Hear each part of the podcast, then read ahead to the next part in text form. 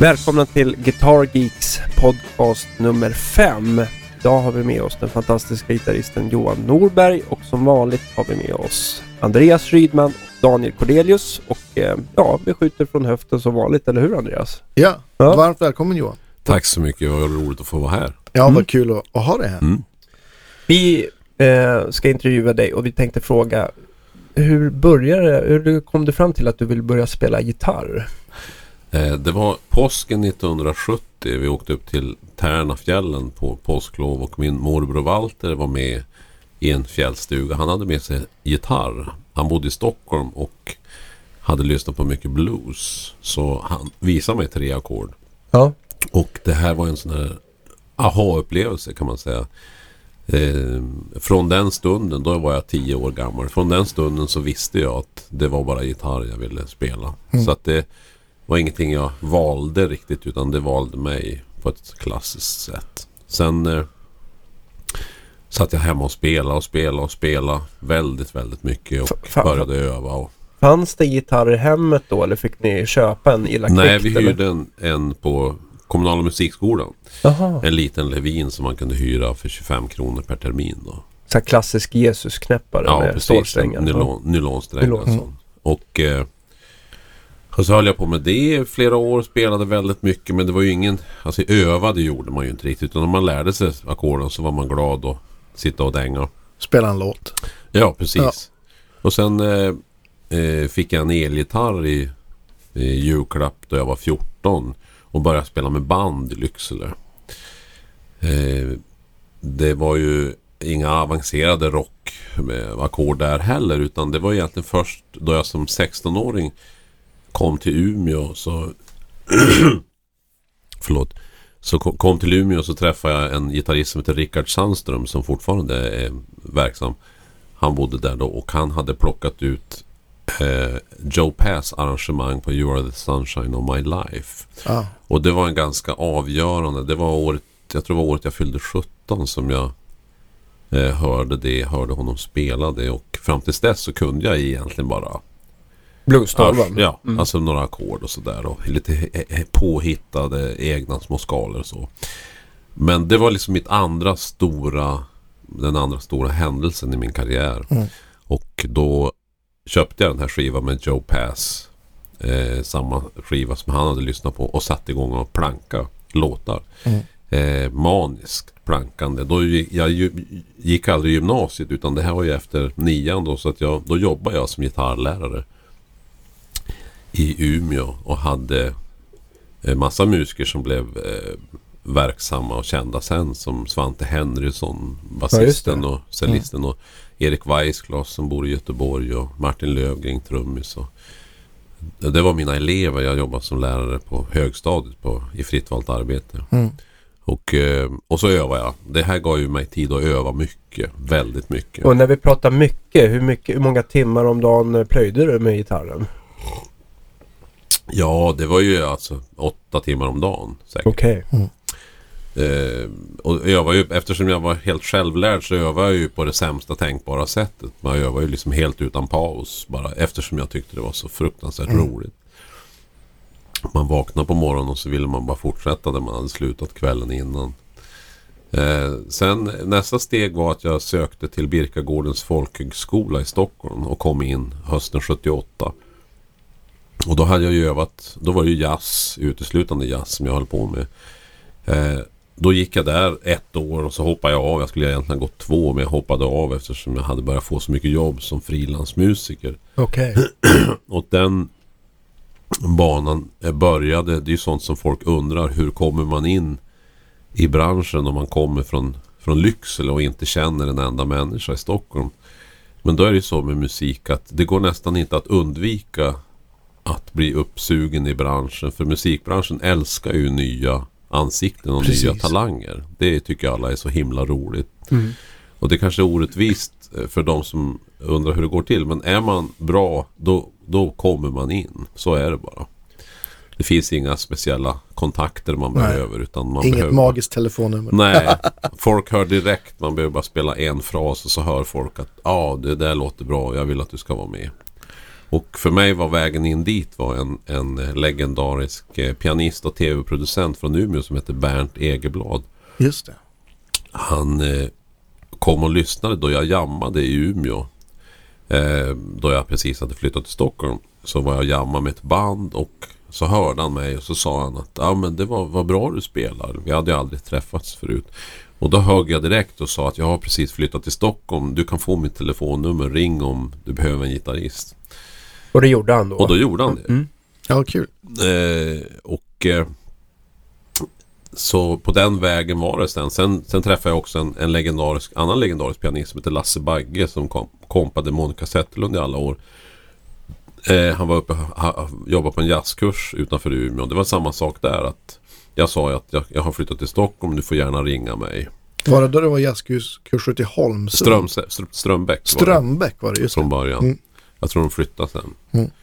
Men eh, så där jag då kom till Stockholm så ringde eh, de här och jag fick via Lasse Bagge fick jag spela in några skivor med Monica Zetterlund och med via Bernt Egerblad så hamnade jag med i eh, Lill Lindfors eh, med inspelningar så att jag hamnade på skivbolaget som då hette Metronom med Anders Burman. Idag heter studion Atlantis. Ja. På den tiden hette den Metronom. Och plötsligt så, så hamnade jag in i massa inspelningar där. Alltså det här var redan 79-80 och jag var ju bara 20, knappt 20 år. Och eh, hade och fick vara med på en massa Massa eh, inspelningar med Fred Åkerström, Cornelis Vreeswijk och Lill Lindfors och Monica Zetterlund.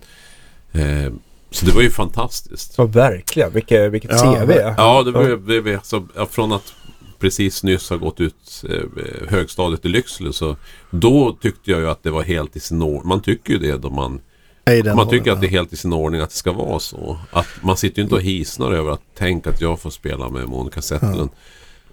Monica kan jag känna, det, det borde ju vara dig ganska varmt om hjärtat eftersom det ändå var jazz va? Ja, visst. Jag tänkte på Cornelis och Åkerström, det var väl ändå mera liksom trubadurvisor, inte trubadur Nej, kanske, men, jo men så hette annan- det ju på den tiden. Men, men så Det var ju saker som jag, som jag inte alls uppskattade som jag skulle ha gjort nu. Därför att jag var ju jazzmusiker och på den tiden ska man komma ihåg Cornelis var inte någon legend då inte. Då var han på botten av sin karriär. Någon slags före detta svensktops eh, trubadur som inte var så mycket värd. Så det var ju inte så. Det, det blev mer fantastiskt ju, ju mer åren gick att jag faktiskt hade spelat med Cornelis. Men eh, sen ja, då jobbade jag med det här och i och med det så träffade jag då olika eh, orkesterledare som Anders Berglund, Anders Ekdahl och Mm. Neglin, Elias. Alla de här som Mm. hade de i stort sett alla jobb på den tiden. Som gjorde att jag kunde klara mig på det. Men jag gick hela tiden med en gnagande känsla av att jag eh, inte kunde så mycket. Och eftersom jag inte hade gått någon skola. Att du var gått- självlärd och... Ja, precis. Att Blev, jag, blev det liksom till ett problem när du satt i studion och skulle liksom lära dig låtarna snabbt? Att det liksom... nej, nej, det var det aldrig. Du hade det var, gehöret som... som eh, Ja, och jag kunde läsa noter för att jag hade jag Mm. lärt mig själv. Liksom, så det var inget... Men jag kände att jag skulle vilja ägna mer t- tid på heltid åt att verkligen fördjupa mig. Och, för att jag, var, jag träffade ju samtidigt en massa människor som, som jag jammade med på Fasching och i andra jazzsammanhang. De gick på musikhögskolan. Eh, som alla mina... Sen kom det ju massa andra människor från Umeå som... De här eleverna som jag hade haft i Umeå, de började ju på musikhögskolan allihop. Jonas Knutsson och Svante Henriksson och alla de här, de gick ju.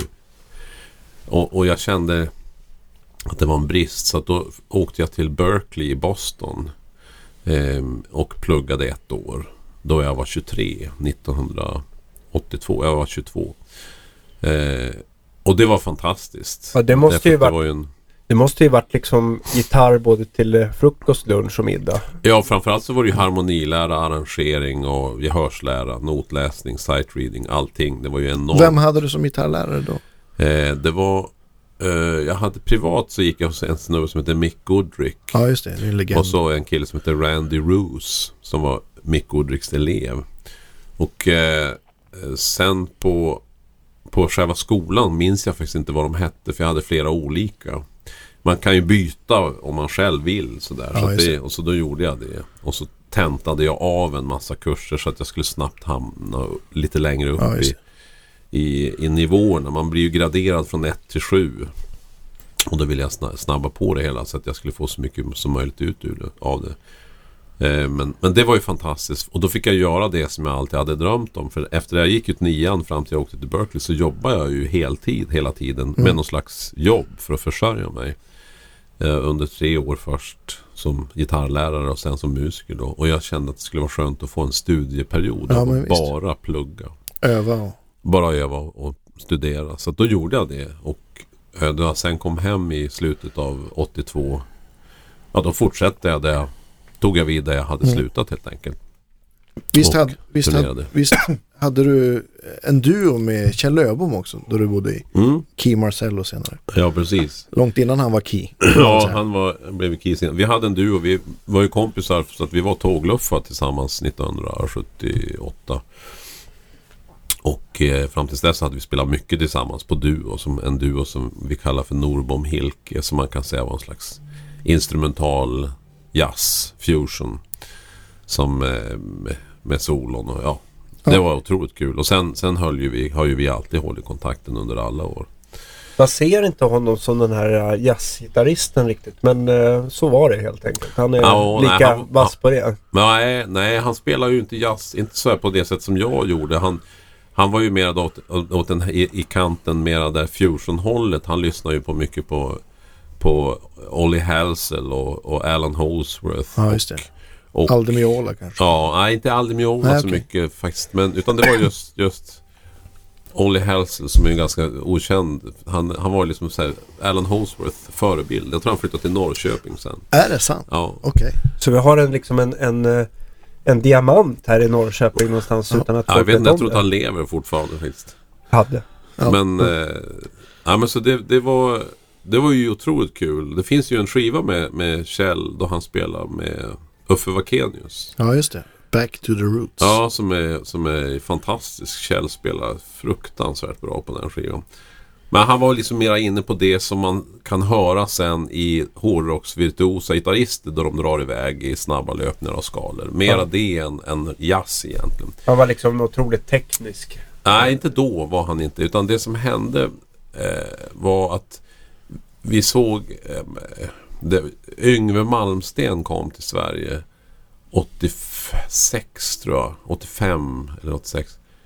85. eh, Konsert på Göta Lejon. Och Kjell, han bodde hos mig då Kjell och han kom hem och var helt knäckt. Och då började han öva så in i helvete. Alltså för han kände, han bara kände nu jävlar ska jag. Ja. Och det gjorde jag också. Jag satte igång, också igång, igång och övade som fan. Eh, men om man bara innan det så. Eh, så nu är det någon som sitter och övar här i bakgrunden. Ja men det är härligt med lite, att det lever lite. Ja. Vi ska stänga dörren så, Lite så får ljudeffekter. fortsättning. Härligt. Vi klipper in. Ja. Ja. Nej, men så att jag kom hem, jag kom hem från Berkeley då, då var jag ganska mätt på att spela jazz ett tag. Eh, mycket för att jag kände att jag på något sätt hade eh, Eftersom jag hade lärt mig så mycket så gick ju en del av magin förlorad. Jazz det är ju lite grann som trolleri. Ja. Då du hör ett fantastiskt solo av, av eh, Alan Holsworth så är det ju det fantastiska är ju att du inte förstår vad han gör. Mm. Och då du förstår vad han gör det är som vilket trolleri som helst att jaha men jag vet ju att du gömde myntet i fickan. Ja. Då, är det inte ma- då är magin försvunnen lite grann. Mm. Och det hände mig kan jag säga. Så jag började eh, snegla lite grann på att spela rock för det hade jag aldrig gjort. Och eh, började jobba jobba mer åt det hållet och även och då började jag spara långt hår och jag gjorde liksom hela programmet. Köpte cowboyboots och, och fransjacka och, och spelade. Då, då, då var jag med i Nisse Landgrens första funkband. Hans liksom tidigaste sån här funk eh, projekt. Ja, Funk Unit hette det inte då. Det hette inte ens Unit. Det var liksom någon slags Nils Landgren. And the Cosmic Beavers hette det för första sommaren. Vi var ute 1984. Eh, och så småningom så började jag dra, hamna mera i, i de sammanhangen. Så då turnerade jag med de rockartister som var stora eh, på den tiden. Anneli Rudé och sen eh, Mikael Rickfors. Vi gjorde den här skivan Jag ska köpa vingar för pengarna. Ja, ja, det är, du som spelar, den, spelar gitarr där? Ja, jag och Micke Nord Andersson. Ja, okay. Micke Nord spelar eh, lapstil och jag spelar elgitarr. Får jag bara fråga, eh, av de här gamla klassiska eh, Cornelis och Monica Zetterlund inspelningarna. Kommer du ihåg vilka gitarrer, eller där du spelar gitarr, vilka låtar, om du kan nämna några som man kan söka upp vid sidan av här? Eh, ja, det finns en, en eh, Fred Åkerström finns det en skiva som heter eh, eh, vad fan heter den nu? Det är hans, alltså, det är hans sista skiva. Jag kommer inte ihåg Jag kommer inte ihåg vad låtarna heter. Monica Zetterlund var jag med på många skivor men framförallt den här Olle Adolfsson skivan eh, är jag med på. Alltså det var helt bisarrt. Jag var alltså med på en skiva med Monica Zetterlund då jag, det här var 1990, nej 83 tror jag. Och det var Lasse Bagge som ringde och så var jag med på en skiva med henne och sen ringde Bernt Egelblad och skulle, ville göra en trioplatta. Eh, veckan efter. Och som jag tackade ja till då. En trioplatta med mig, Bernt Egelblad och basisten Palle Danielsson. Mm. Och du vet Palle Danielsson då, han, det var ju, han var ju, var, spelade ju med Keith Jarretts ja, ja, kvartett och han var ju så stor så att jag höll på att svimma så det är klart att jag ville vara med på det. Eh, då, det var bara det att efter vi hade spelat in första två dagarna med Monica Zetterlund så var vi tvungna att bryta för att hon blev ovän med Lasse Bagge om ackorden på trubbel tror jag. Så vi skulle skjuta fram. Så, så resten av skivan skulle vi spela in längre fram. Och då ringde Lasse och sa att nu har vi bokat studio nästa lördag. Och då kunde inte jag. För att då skulle jag spela in den här skivan med Bernt Egerblad och Palle Danielsson. Så då fick Rune Gustafsson hoppa in och vicka för mig. Och det är väl mitt livs mest bizarra ögonblick att Rune Gustafsson, Sveriges bästa gitarrist genom tiderna, en av världens absolut bästa jazzgitarrister någonsin, har hoppat in istället för mig. Det är så pinsamt så jag, jag rodnar bara jag tänker på det. Men så var det faktiskt. Då hände allt möjligt. Men det finns, från den skivan finns det en låt som heter Siv och Gunne. En, en, en av de fina låtarna med, från, av Olle Adolfsson som Monica Zetterlund sjunger. Som jag spelar på. Jag kan inte Måste på rak arm, ja, jag kan inte på rak arm mm. säga vilka andra låtar det är jag spelar på. Det är så svårt att komma ihåg. Cornelis gjorde en skiva där han sjunger eh, Povel Ramel-låtar och den skivan tror jag inte ens finns på, på Youtube eller på Spotify, Spotify, eller iTunes. Ja, iTunes kanske den finns. Den är jag med på.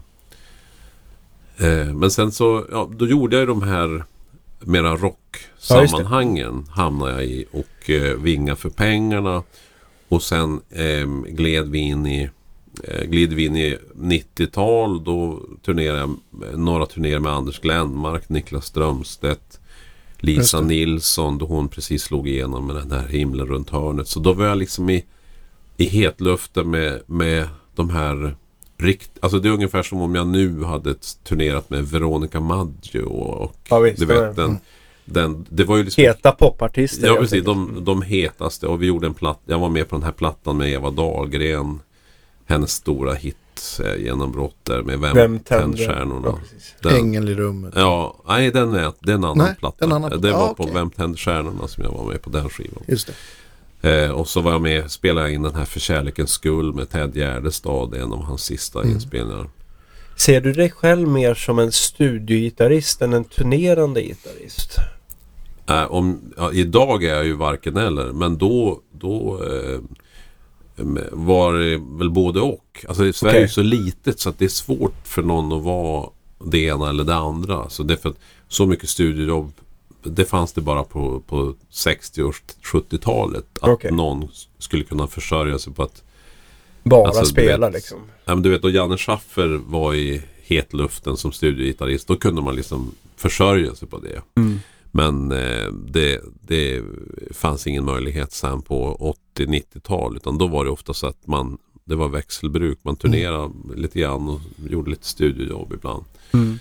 Eh, men sen så eh, under den här perioden så hade jag ju samtidigt eh, jobbat mycket med Nisse Langren och vi startade vår duo Chapter 2 eh, redan 1987. Och eh, Eh, då var det så att precis när den här Vinga för pengarna slog igenom med Rick Fors. Då det var ju hans stora genombrott. Så då skulle han ut på en enorm turné då. Som, och, och det var ju för oss alla som var med i bandet var ju det ett lyft. För att det innebar ju att vi också skulle få åka ut. Och då, då frågade Nisse samtidigt om jag ville åka på en eh, turné i Småland och spela på så så här eh, ABF. Eh, där de hade så här församlingshus och allt möjligt i Småland på en liten turné med, med honom på duo bara. Och då valde jag det för att jag kände det var ju det som låg mitt hjärta närmast att spela jazz med honom. Och då kom jag ihåg att, att Micke Nord han sa ja men jag fattar inte du gör ditt livs största misstag. Hur fan kan du hoppa av den här rockturnén nu? Och det har vi skrattat åt sen jag och Micke. Då han kan väl känna i efterhand att det var jag som gjorde helt rätt. Att jag följde mitt hjärta och gjorde Mm. det jag verkligen helst av allt ville göra. Och det, det, var ju, det var ju sen någonting som jag gjorde väldigt mycket under de här åren. Turnerade med Nisse. Vi gjorde ju enormt mycket spel, konserter mellan 88 till fram till 95. Spelade Okej. enormt mycket. Ni kommer jag ihåg, jag såg er ett par gånger. Ja. Och det, vi, vi spelar ju fortfarande några konserter varje år. Och sen, jag gör ju andra grejer med honom. Vi ska ju göra 25 konserter i Tyskland nu i december till exempel. Med julturné. Just det. Men eh, eh, om vi ska vi fortsätta beta av det Ja, absolut. Jättegärna. Eh, ja, nu är vi framme vid då... Ja. Förlåt, jag har en, en, en instickare Ja. som jag tänker vi tar då vi är på Chapter 2. Ja. För jag kommer ihåg eh, då den andra Chapter 2-skivan kom. Vad hette den? ja, Chapter 2, 2 bara tror jag. Ja, just det. Ja. men då kommer jag ihåg för då, då gick jag på musikgymnasiet. Och så skulle jag planka den här låten Get Here. Mm. Och spela den med en sångerska. Och jag, jag plankade den, jag tyckte det var konst, konstigt att få till alla de Ja, där ja. ackorden. och sen såg jag, såg jag er på MB i Lycksele. Ja, ja, just det. Och då såg jag att du hade ju helt andra fingersättningar. Så, Ja, ja, för du hade ju stämt gitarren i något helt annat. Ja, och så har jag capo på andra bandet dessutom. Ja, exakt. Och det, det Ja. Ja, det fram, framgick inte på skivan. Nej men precis, och, det, och mina öron var nog inte, var Nej, inte nej. nog vässade för att... Kan vi inte bara göra en avstickare och prata om, om lite stämningar? Ja, ja, absolut. Vad, vad, vad, vad, vad var det för stämning? Var det CG? Ja, det är, Eller- den, gitarren stäms som vanligt men jag har stämt ner låga E-strängen till C och, och A-strängen till G. Just det. I övrigt så är den stämd som vanligt. Det, det underlättar ju för det är lättare att komma ihåg. Man, det är många fyra strängar som är som vanligt som man kan hitta lite grann. Mm. Eh, det är ju perfekt att ha när man är duo eftersom du får en låg C-klang i basen. Och du får också ofta eh, läggningen blir ofta som på piano att du har liksom tonika, kvint, ters, Ters, och sen sjua eller Ja. oktav. Så det blir också den där feta pianoklangen som man, som man ju tyvärr aldrig får på gitarren. Nej. Så den har jag använt jättemycket. Eh, men jag, alltså jag har aldrig varit intresserad av olika stämningar eller Nej. experimenterat med olika stämningar. Utan jag, det är samma med gitarrer. Jag har aldrig varit intresserad av gitarrer heller. Utan jag hittar något som funkar, sen kör jag på Mm. det. Jag, jag håller inte på och byter sen utan jag, jag tycker det är skönt att slippa eh, gå in i en gitarraffär eller så. Utan, Ja.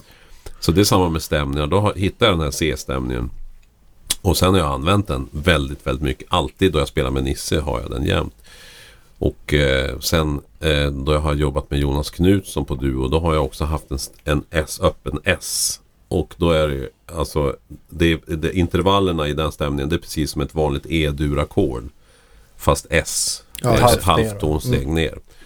Eh, så det, de två stämningarna det är de enda jag har använt mig Ja, av. det. Inga andra. Ja, då är det mycket kapon. Och så är det kapon Ja. naturligtvis på för att kunna hitta olika klanger. Ja, för det var då du berättade det för mig någon gång i mina sena tonår att, Ja. det var, att du stämde i C och G. Så var jag så här, ah. Det, det var hemligheten. Ja visst. Ja, det Vad lös- känner, känner, man, känner man då att man liksom har ägnat väldigt mycket tankeverksamhet åt något onödigt? Eller hur? Eller? Nej, det, det, jag, jag, jag tror nog mest att jag var nöjd att jag hade Ja, Att någon hade öppnat en, Eller så- en ny lucka. ja, det var inte så att jag kände att magin var förlorad. Nej, Nej, tvärtom. nej, nej. Det blev en, en, ny, Ja. en ny värld. Vi kan väl lyssna på Get Here tycker jag. You can reach me by railway. You can reach me by trailway. You can reach me on an airplane. You can reach me with your mind. You can reach me by caravan. Cross the desert like an Arab man. I don't care how you get here, just get here if you can. You can reach me by sailboat, climb a tree and swing a rope to rope. Take a sled and slide down slow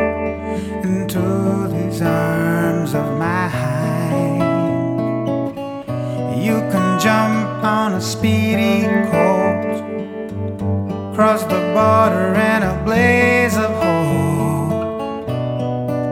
I don't care how you get here, just get here if you can. There are hills and mountains between us. Always something to get over. But if I had my way, surely you would be closer. I need you closer. You can windsurf into my life. Take me up on a carpet ride.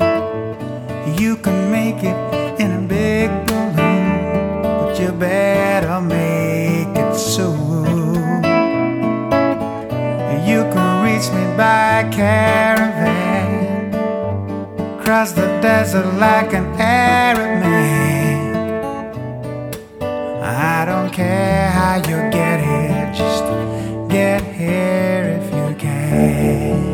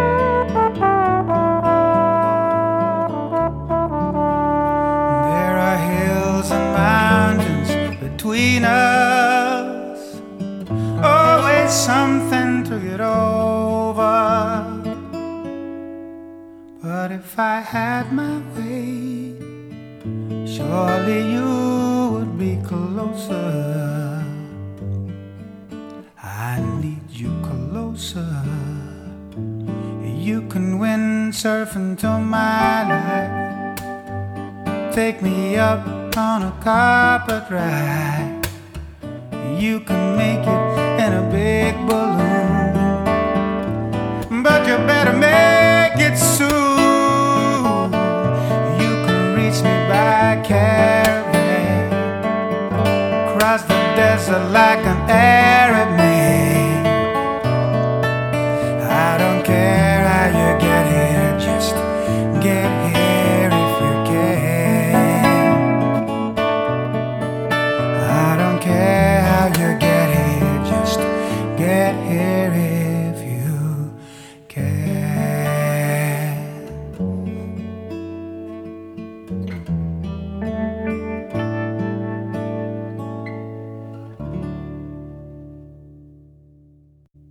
var var vi någonstans? Vi var på Chapter 2 var vi på. Ja just det och sen eh, mot slut med 90-talet så, så eh, då eh, började jag pula lite grann med en, en eh, med egen platta som jag gjorde ute hos gitarristen Lasse Englund i hans friggebod. Den skivan i sig ledde till att jag fick eh, kontrakt på EMI, EMI och gav ut skivan där. Och i och med att jag hade gjort så mycket jobb och arr med den så fick jag eh, jobb som producent för andra artister. Det blir ju ofta så att man, man börjar med något eget och så leder det vidare. Eh, och då fick jag till en slags parallell producentkarriär som, som har puttrat på lite grann. Jag har aldrig jag har inte gjort så här jättemånga plattor men någon, någon skiva varje år har det väl blivit. Jag gjorde en skiva med Sven-Bertil Taube här och Svante Turesson och Kajsa-Stina Åkerström. Regina Lunds första skiva där. Meja. På, slut på, Meja, just det. Eh, men så det har varit lite olika sådana projekt. Men det är ingenting som jag känt att, att jag har velat satsa. Eh, du vet, många som satsar som fan och köper grejer och bygger studio och känner Ja, att det är liksom nej, så himla sugen var jag inte. I mitten på 90-talet så började också en, en separat liten karriär som sen skulle växa sig större. Jag började skriva krönikor i gitarrtidningen Fass. Mycket bra Ja, krönikor. fantastiskt. Ja, det var ju typ det enda som var Ja. alltid superläsvärt. Ja, men det var, det var alltid det första jag läste i tidningen Fuss. Ja, Ja, då var- var det baksidan, eller Ja. sista sidan. tillbaka Sista sidan, sista ja, sidan. de gjorde det medvetet för att folk, folk ville ha att de snabbt skulle hitta krönikan. Så Ja. de la den längst bak. Eh, det, var ju, det var ju ingen, det är ju Ulf Zackrisson som då startat tidningen. Jag är honom stort tack skyldig. Därför att jag hade själv, eftersom jag inte ens har gått gymnasiet så har jag aldrig ens skrivit en uppsats eller någonting. Jag har aldrig någonsin skrivit så jag visste inte ens om att jag kunde skriva. Men han hade någon känsla av att han trodde att jag skulle kunna göra det. Ja, men du är ju en, Och en vad- fantastisk historieberättare. Så han kanske... Ja, nej, men det, kan, jo, men det är kunna- inte alltid att det hänger ihop med att man ja, kan skriva. Ja, det. Men det var, då, så, då, då satte det igång. Eh, och sen så fortsatte jag spela.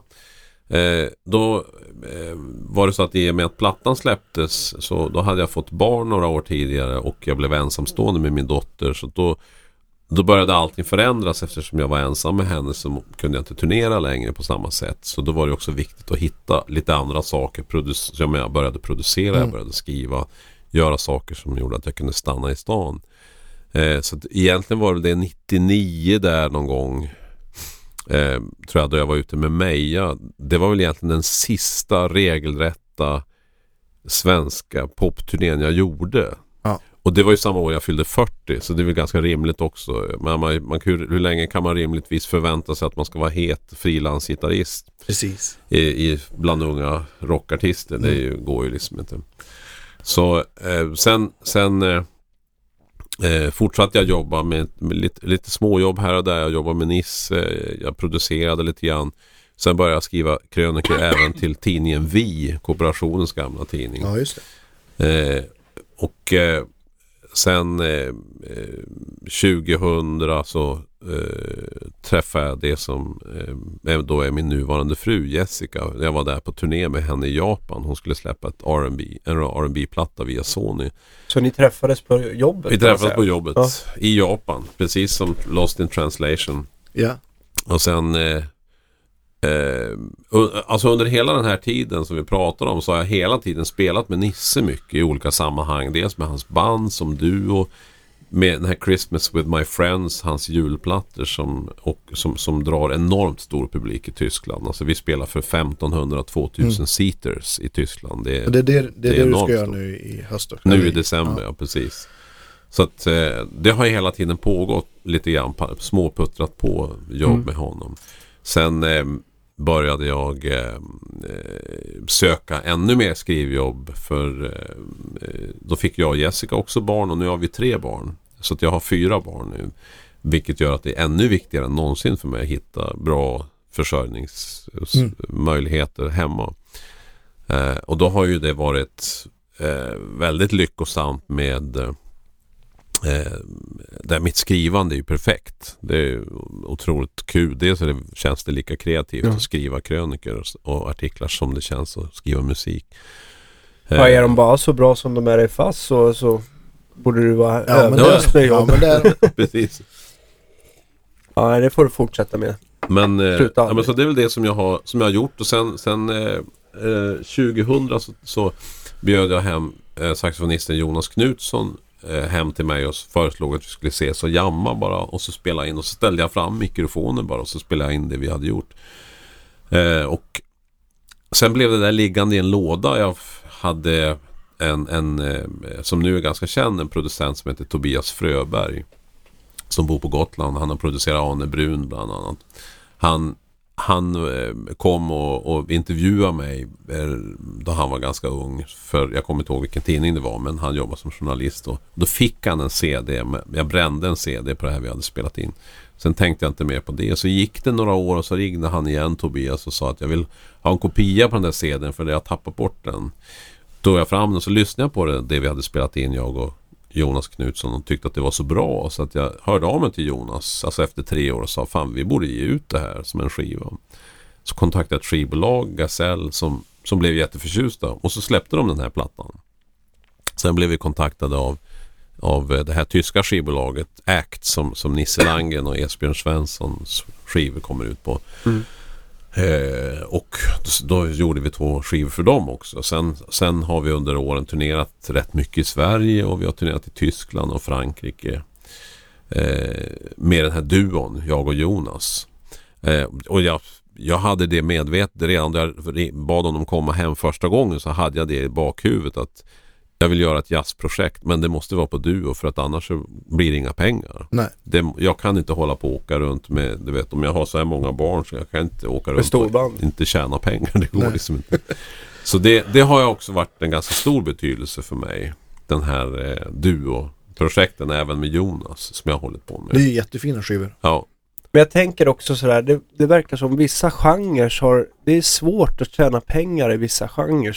Eh, jag har ju ändå, när man träffat så himla mycket kunder på butiken så känns det som att hårdrockare det är nästan de som på något sätt har fått sämst betalt alltid. De får så här alltid varit glada om de har fått lite soppa på soppapengar på väg och någon öl till maten kanske. Och sen så typ uteblivet gage trots att det Ja. var bra, bra med folk på klubben. ja, ja. Medans, ehm, medans man får eh, känslan av att ehm, andra genrer som jag har spelat blues och rock'n'roll, framförallt rock'n'roll, där Ja. går det ändå, det är inte nödvändigtvis mer publik men det finns en, liksom en annan budget och annat sätt att tjäna lite pengar och sådär.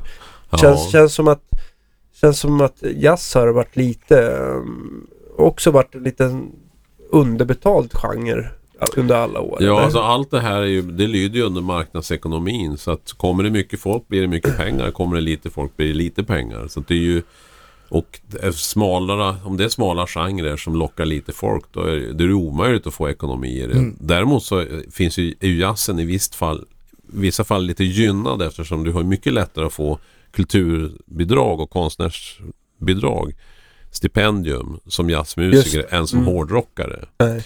Precis. Så hårdrockarna och rockmusiker de hamnar lite oförtjänt mitt emellan stolarna där de kanske inte, om de inte slår kommersiellt, ja då har de inget, ingenstans att vända sig. Men Nej. en jazzmusiker, en klassisk musiker kan alltid söka sig till, till stipendier, söka stipendier.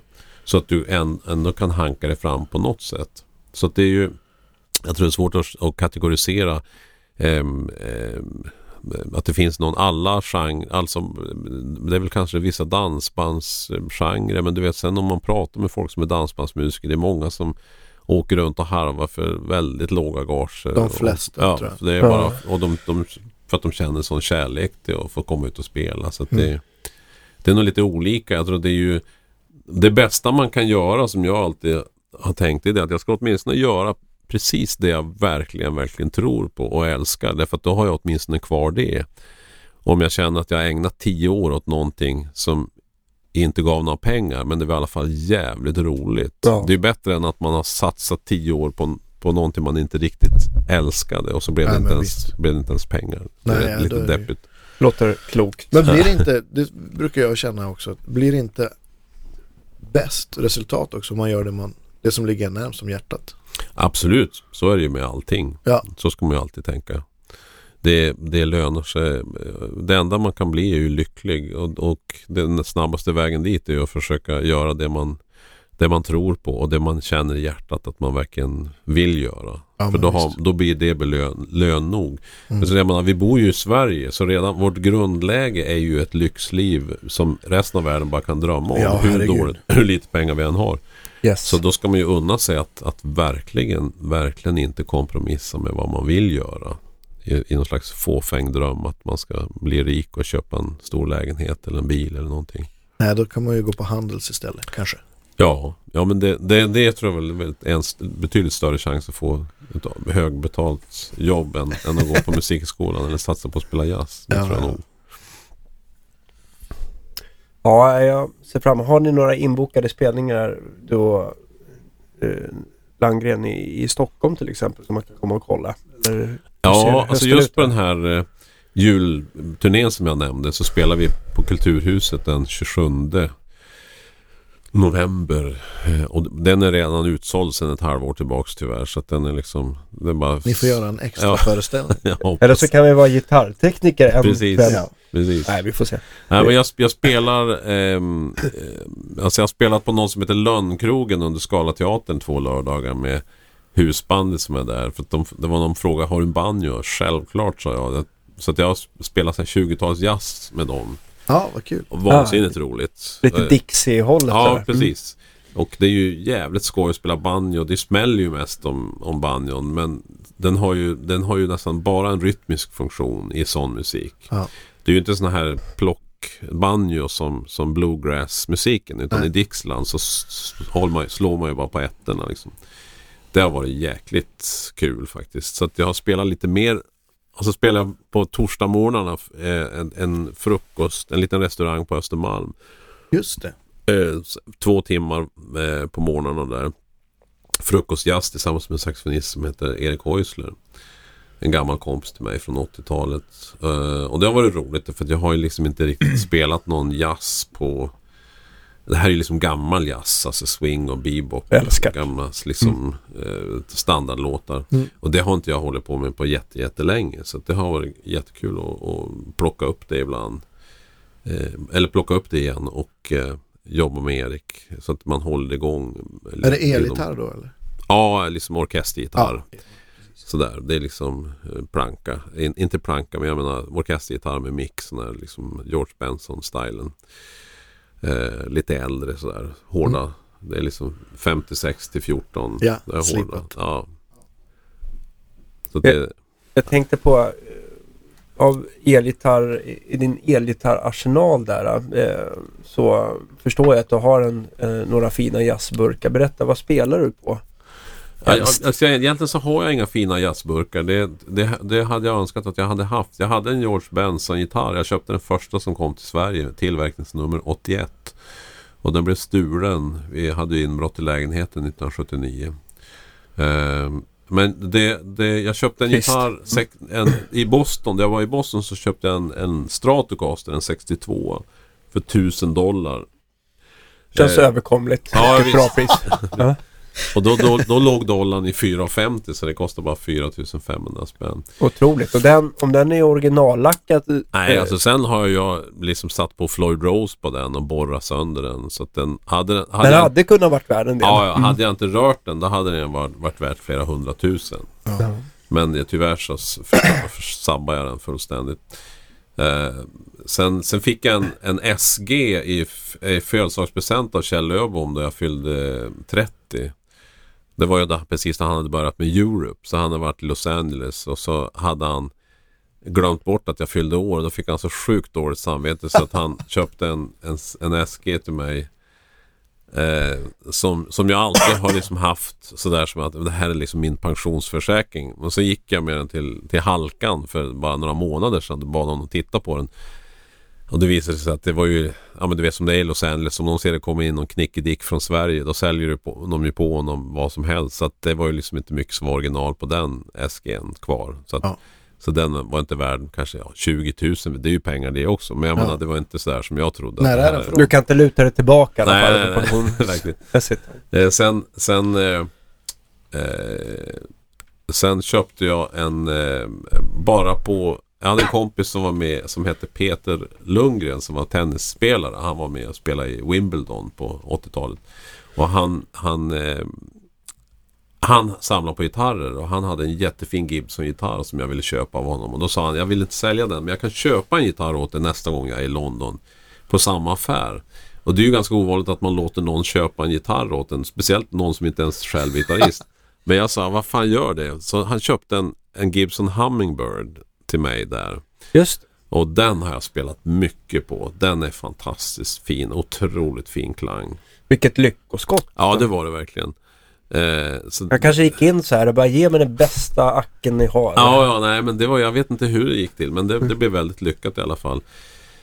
Den är inte, den är kanske, den är inte värd så jättemycket heller, men, men det är en fantastiskt fin gitarr. Och sen har jag en eh, Jag har en fin Martin också, men inte en gammal, utan jag har en, en eh, en eh, relativt, ja, den är helt ny. Det var så att jag köpte en Martin eh, då vi skulle spela in den här Chapter 2-skivan som Ja, du det. pratade om för en stund sedan. 1991 eller när fan det var. Ja, då fick jag för mig att jag skulle ha en Martin. Så jag gick in eh, på, på den här general, han som hade generalagentur för Martin på Renstjärnasgatan tror jag det låg. Ja, Guitar People. Ja, precis. Mats Silving. Mats Silving, precis. Mm. Och då, då hade, vi, hade han hört våran första platta med Chapter 2. Och då, då sa, sa, sa han så här, jaha är det inte du, du, du som är Johan Norberg som spelar på den här Chapter 2-plattan? Ja, sa jag. Nej, det låter inte alls bra, sa han. Ja, vad skönt. Fruktansvärt roligt. Ah, han tyckte inte det var bra sound. Så nej, Snacka om upp som en sol ner som en Ja, pannkaka. Ja. Ja, jag tänkte, men shit, han vet vem jag är. Jag kanske får ett bra pris här. Alltså så skulle jag köpa en... en jag köpte en, en eh, Martin av honom i alla fall. För att jag hade hittat en som han sålde som jag tyckte var så jävla bra. Ja. Men han sålde den för listpris. Vilket ju är ganska remarkabelt. För det, vet, det vet ju alla som har en musikaffär att listpris det är sällan man säljer någonting till listpris. Utan det är bara jag vet, jag vet. rekommenderat listpris. Jag fick, jag fick precis rekommenderat listpris. Inte en spänn mindre. Ja, så då, då... Jag tyckte ändå att det var ganska roligt att han var så jävla kärv. Att, jag fick, att han sa att han inte gillade det jag gjorde och sen sålde han gitarren utan att bara... Då skrev jag en krönika om det här i Fass. Några år senare. Ja. Så fick eh, härliga... Och då så småningom så hörde, och då hörde de av sig Martin från Köpenhamn. Alltså huvud, jag tror Ja. någon slags generalagents huvud. Då hörde de hade läst den här krönikan och de tyckte ju att det var jävligt pinsamt att, Ja. att, jag, att jag hade fått så jävla dålig deal. så att, så att då sa ja men vi kommer upp till dig och så får du välja välja vilken gitarr du vill här och tyvärr så kan de kunde inte sponsra mig men jag skulle få ett jävligt bra pris i alla fall. Ja. Så då kör de och jag, jag orkar inte släpa upp gitarren i lägenheten utan jag, de fick stå med bilen, du vet de hade en, en buss, en sån här van med sig med 28 gitarrer så jag stod och provade dem ner på gatan där jag bor. Eh, tills jag hittade en, en gitarr som var jäkligt fin. Som jag köpte och, och den, jag tror jag fick, liksom, fick den för halva priset. Alltså ett väldigt, väldigt bra pris. Ja, men jag kan tänka mig att det de säljer gitarren för till eh, sina respektive eh, grossister. Ja. Det är väl det priset man brukar få. Ja, precis. Mm. Precis. Deras, eh, grossistens inköpspris brukar Precis. bli någon, vara någon standard. Ja, så. just det. Mm. Ja, men så det var ju, det var ju förnämligt. Så att, eh, då har jag i alla fall en fin Martin-gitarr. Men annars så har jag, alltså jag har den där gamla stratan och den är fin i kraft av att den är så fantastiskt fin att spela på. Den är helt gudomlig. Mm. Och det är ju som det alltid är med män i min ålder som inte spelar lika mycket så kan man ju naturligtvis tycka att det är lite slöseri att den står. Alltså, de strängarna som sitter på nu de tror jag satte på för sju år sedan. Alltså jag, då jag spe- och sen så sist jag ens spelade på den var för tre år sedan då jag var i Tyskland och skulle göra någon orkester, sitta med någon sån här symfoniorkester i, i Dortmund. Så sen dess har jag inte ens öppnat fodralet. Det är ju lite synd men samtidigt så blir det också att jag eh,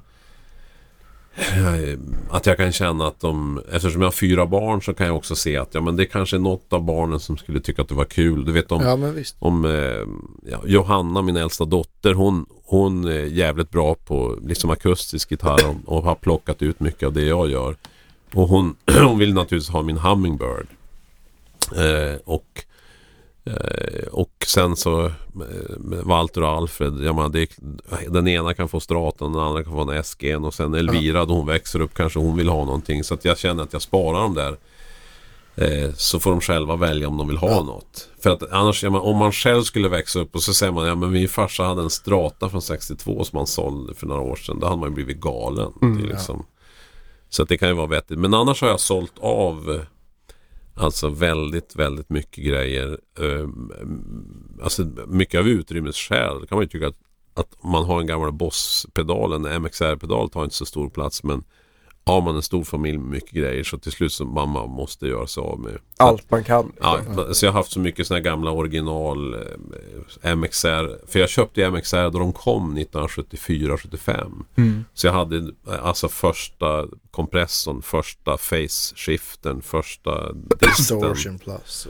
Eh, alla de där hade jag. Och, och till slut kände jag, ja det kanske är värt någonting men jag använder det ju aldrig. Det blir helt befängt att sitta och hänga på saker som man aldrig använder. Ja. Och sen blir det också som att gå omkring och leva i en slags jävla museum. Man ska ju liksom, det är ju nu jag lever. Så att det blir, det blir konstigt att, spara det Ja, kanske roligare att ha något som, som man spelar på. Ja, eller, eller, spela, eller, eller, någonting annat. något Så annat. kanske köpa en cykel till Precis. Walter för pengarna Ja, eller vad visst. som helst. Mm. Så att eh, då har jag lagt ut mycket på Blocket nu de sista två åren och försökt bara sakta men säkert eh, pytsa iväg grejerna så att det inte bara står och tar plats och jag inte använder det helt enkelt. Ja, varför inte? Jag tänker i alla fall om du känner att du inte orkar eh, så, så, så lovar jag att jag ska piffa till din gamla Stratta eller. Hummingbird där om du inte ja, känner att du har tid. Så Ja, men Stratan- hjälper jag jättegärna dig med det. Stratan har jag piffat upp Ja, så att den är liksom återställd i original. Ja, men jag tänkte, tänkte mera Spela på Jag menar nya strängar och Ja, göra ja, rent precis. och lite olja på greppbrädan och sånt där som de kan må skulle- bra av. Det skulle den säkert behöva. Ja. Nej men det, det den, den som jag spelar på nu där jag spelar jazz. Jag köpte en gammal, eller inte en gammal utan en helt ny Ibanez jazzburk. Och det är det, det, nu för tiden finns ju saker som inte fanns då jag började spela. Det finns ju otroligt fina gitarrer för inga pengar alls. oh ja, verkligen. Och den, du vet, jag köpte den på Deluxe för tre och ett halvt eller någonting. Kostar liksom ingenting och det är en fantastiskt bra gitarr. Var det jag eller Gunnar som sålde den till? Eller var det... Jag tror det var Gunnar, Ja. för mig det. Eh, ja men det, så att, vad ska, jag menar, idag kan du faktiskt köpa en, en, stra, en Mexico Strata som är bra. Ja, om du provar, liksom, provar dig fram. Det, du vet då jag började spela, då fanns, antingen så köpte man liksom en, en jättefin Gibson Les Paul. Eller så köpte man en jättedålig japansk kopia. Mm. Du vet, som var värdelös. Så då, då fanns det inte det som finns nu att de, de kopiorna också är, håller jävligt hög Ja, kvalitet.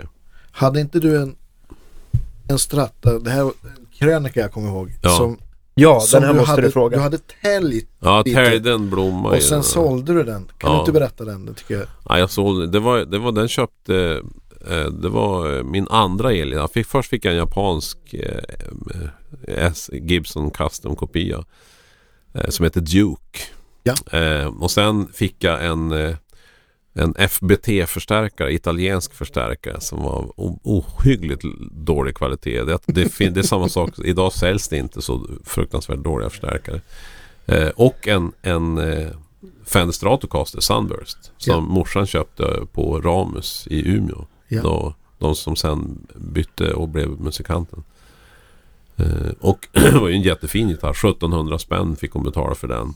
Var den, eh, var den ny eller begagnad då? Nej, det var en gammal Strata. Okej. Det var en Det var 63 ja. Okej. Eh, och ja, det var ju fantastiskt. Men, men jag började liksom, jag hade sett Jimi Hendrix. Han hade ju liksom gitarrer med blommor på och allt möjligt. Så att jag började skära ut och göra liksom lite mönster i, i gitarren. Och så, och så då jag, då jag till slut var, blev lite less på det så, så klippte jag ut och gjorde någon självhäftande plast. Någon slags, eh, och tejpade över det där med ett hjärta. eh, och sen Bakom stallet? eller? Ja, precis. Ja. Bakom stallet. Och sen, sen eh, sålde jag den där till Kjell Öbom faktiskt. Och han var helt ovetande om den här fina ja, han, rosen. blev, han sa, han ringde och sa, förvånad jag blev när jag tog bort det där hjärtat. Så det liksom, men han, alltså det här var så länge sedan, du vet, det var ingen som tänkte på att en Fender Stratocaster skulle vara värd några nå pengar. Det var inte, man tänkte inte så. På den tiden så fanns Les Paul visste man att kunde bli värda något, men inte Stratocaster. Alltså då då sa han, jag blev lite förvånad när jag tog bort det klistermärket att du hade gjort en massa mönster med en morakniv. Så, ja, ja, så, men vi skrattade åt det. Han, fick, han köpte den för 2,5 i alla fall av mig. Eh, och sen åkte jag till, till det här var, han köpte den 1980, 81 tror jag. Och sen åkte jag till Berkeley, nu är vi tillbaka till 1982. I januari 82 så åkte jag till Berkeley. Och då skulle han hyra min lägenhet Kjell. Medan jag var borta. Och eh, januari gick, februari, mars, april, maj. Och så i början på juni så kom jag hem helt oförhappandes utan ens... Jag ringde inte för det hade man liksom inte råd att hålla på och ringa över Atlanten. Det kostade ju en miljon. Så då, jag bara dök upp i lägenheten eh, utan att ha hört av mig innan. För jag skulle göra en platta med ett band som hade hört av sig då. Jag skulle vara i Sverige i två veckor. Och då kom jag in i lägenheten. Och eh, det såg för jävligt ut. Det var helt, du vet, det var, låg colaburkar och ölburkar och så här mosförpackningar med fimpar i. Det var så otroligt geggigt. Du blev överlycklig Ja, det var verkligen hemskt. Och det, då, då jag hade åkt därifrån, då jag hade lämnat Kjell, då var han liksom en ung man med, med flanellskjorta, virkad slips och, och väst och, och jobba på hemtjänsten och spela fusion med ett band som heter Dacord. Eh, och så när jag kom hem så, så låg det en snubbe i min, i min säng med helt kritvitt hår och så väckte jag honom och då var det Kjell som, medan jag var borta hade han sökt jobbet som sångare i Noise. Eh, som hade då, ja, som sökte ny sångare och hade liksom kommit i kontakt med de människorna och hade i desperation över att hans fusionband inte fungerade så hade han liksom gjort någonting desperat. Han hade svarat på den där annonsen och börjat spela med de här killarna. Och det var ju liksom, de var ju, det var ju ingen lek de här Freddy Hansson och allt vad de hette. Det var ju riktig knark. Thyrén. Ja, fruktansvärt. Och så plötsligt så kom det två tjejer i 15-årsåldern utspringande ur vardagsrummet och plockade ihop kläderna och sprang ut. Ja, och då frågade jag Kjell, eh, ja men vad är det som har hänt? Ja, han, du kommer inte tro det här. Jag sökte jobbet som sångare i Noise, han berättade. Och så satt vi och skrattade åt det. Och så hittade jag ett kuvert i köket där det stod då har inte han betalat hyran medan jag har varit borta. Så då stod det att, att då är det sån här inkasso att, att eh, om inte hyran kommer in inom det här datumet då, då är för det här är sista, sista varningen. Då är du vräkt. Och sista, da, sista dagen för det här det var om två dagar. Så det var ju bara en ren jävla tur att jag kom hem. Annars Ja. hade jag förlorat lägenheten. Och då sa jag till Kjell, har du verkligen betalat hyran? Ja, för fan, jag har betalat hyran. Det här må- måste nog vara något misstag. Ja, vi, vi gör så här, sa jag. Om det är så att du ljuger att du inte har betalat hyran. Då vill jag att det ska ligga 5000 spänn på köksbordet då jag kommer hem i eftermiddag. Och så gick jag ut. Och så jag kom hem på eftermiddagen, då låg det 5000 spänn där. Och då hade han gått och sålt den här gitarren Ah, min Stratocaster som han hade köpt. Den gick han och sålde den till Halkan. Eh, eh, på, eh, som hade sin affär på Götgatan då. just det.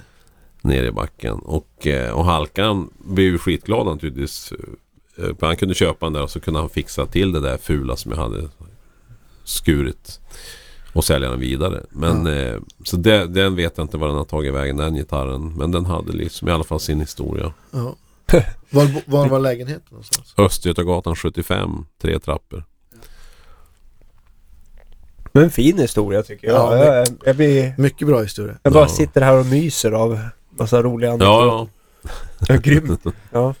Har du några mera, har du några mer sådana här äh, riktigt eh, typ det här knasigaste du har varit med om eh, under turné eller någonting som du kommer att tänka på? Ja, Alltså det absolut märkligaste jag har varit med om det var ju det jag spelade med Lill-Babs på Fiskartorpets showrestaurang i Helsingfors i tre månader. Eh, mitt i, eh, det här var 1980, våren 1983. Eh, mitt i showen så skulle hon ut och byta kläder eh, och eh, då hade vi ett, ett eh, nummer, vi skulle spela bandet, ett, ett fusion-nummer, ett pausnummer men, mens eh, hon var ute. Och då, då hade vi valt att spela en Lee Rittenhour-låt. Lee Rittenhour var ju på den tiden väldigt känd amerikansk fusion-gitarrist. Och eh, den låten vi spelar, den har ett mittenparti där det kommer en ohyggligt komplicerad synkop. Som bryter av i, i under 7-8 takter. Komplicerad för, för de flesta, men för mig var, som precis kom från Berkeley så var det ju inga, jag åt ju sådana synkoper till frukost. Det var ju ingenting för mig. Jag tyckte det var superenkelt. Men våran trummis han fixade aldrig de där. Utan det var helt hopplöst. Så det var en pina att spela det där för varje gång så kom vi ur av oss. Vi hamnade i baktakt och det blev ofta fel och det var sjukt irriterande. Eh, och så vid ett tillfälle så, stod, så, så eh, spelade jag som jag alltid gjorde på den låten. Jag spelat långt gitarrsolo och så kom den där jävla synkopen och så kom vi i baktakt hela vägen till slutet. Och så kommer Lill-Babs infrängande på scenen i nya, eh, någon ny showdress. Och, och då tänker jag så fy fan vilken jävla tur att det är ingen jag känner som är här och hör den här skiten. Och hör min, mitt usla jävla gitarrsolo. Och så tittar jag upp och då står det eh, Folk sitter ju ner och lyssnar, det är en sån här krogshow. Men vid sidan på dörren ut- som leder ut till hotellreceptionen så står det tre män med korslagda armar och tittar. Jag kan inte lå- låta bli att lägga märke till eftersom de står upp istället för att sitta ner. Och där är John McLaughlin, Paco de Lucia och Al Di Meola som står och, Jobbigt. och det är så... Surrealistiskt. Ja, det är så surrealistiskt så att jag, jag... ha- Hade det varit en av dem, då hade man tänkt Fan vad han är lik Al Di Meola. Men eftersom det var alla tre Ja, så var det ingen visst. tvekan om att fan det är de som står där. Ja, och så spelade vi färdigt och sen gick jag ut i baren. Jag hittade dem ingenstans. Men så hittade jag Al Di Meola i baren och då då har jag liksom inte riktigt planerat vad jag ska säga så jag går fram till honom och säger are, are you Al Di Meola? Yeah, säger han surt bakom sina pilotbågar. Samma glasögon som han hade på skivan som jag hade hemma. Hans första soloplatta. Uh, yeah, säger han. Och då säger jag Yeah, that's good, säger jag. Han vänder på klacken och går därifrån. Underbart. Så, så vad som har hänt var ju att de, de var ute på turné, gitarr-trio-turné. Så de har alltså gjort konsert i Helsingfors konserthus och så bor de på det här hotellet. Och jag har ju själv turnerat så mycket så jag vet ju precis hur det känns. Man står och ska checka in någonstans och så hör man Fan det är någon som spelar en Lee Ritenour-låt här inne. Fan vi går in och kollar vad det Ja, är. det det, är klart. gör man ju. Man hör. Så går de in och ställer sig och kollar och, och ser oss då. Där vi håller på. Nej, det är nog det- en av de absolut märkligaste saker jag har varit med om. Eh, jag förstår. Du hittar aldrig någon av de andra. Jag tänker, jag tänker, du som ändå varit och, och farit runt om i världen och spelat så här, Har du något så här favoritland att uppträda i? Någon, någon publik som du alltid känner, fan det här är det, här är det bästa? Ja, Tyskland är ju överlägset. Det är ju Ja. helt fantastiskt. Det är ju, det är ju eh, det är lite lustigt eftersom de som inte har turnerat mycket i Tyskland så finns det en attityd bland svenskar att tyskarna är lite fåniga, att de är lite att de är humorlösa, att lite töntiga. Eh, eh, vilket är en typisk svensk attityd att vi är så övertygade om att vi är lite bäst på precis allting. Mm. Men eh, ja, de är ju fantastiskt kunniga, kulturellt intresserade, trevliga, artiga. Det är ohyggligt välordnat. Alltså alla konserthus man kommer till, all catering, allt. Det, det är ju, alltså så fort man kommer, så fort du kommer till Belgien så blir det genast lite sämre. Eller Frankrike. Eller så fort Ja, du kommer till visst. Italien så är det liksom så är allt folk lite surare. Det är liksom lite kärvare, lite svårare. Så att det är ju, att Tyskland är överlägset, det måste jag säga. Det finns, det går inte att jämföra med något annat land.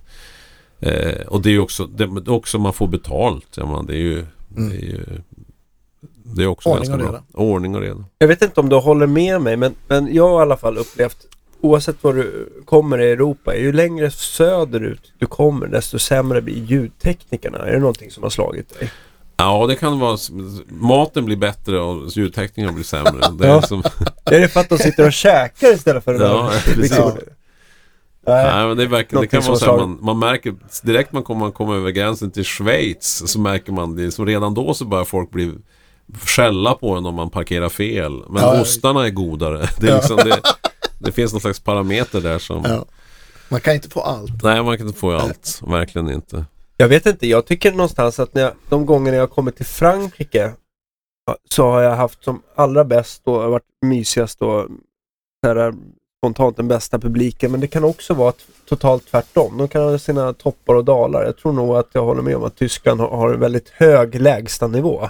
Prylar om du reser, eh, säg att du har med din Akigura, har du något mer som du alltid har med som är något så här Desert Island verktyg som, Som jag måste ha med mig. ja, Ja, alltså jag har ju alltid använt en depp 5 för en gammal eh, effekt, eh, Roland-effekt från 1900, början på 80-talet.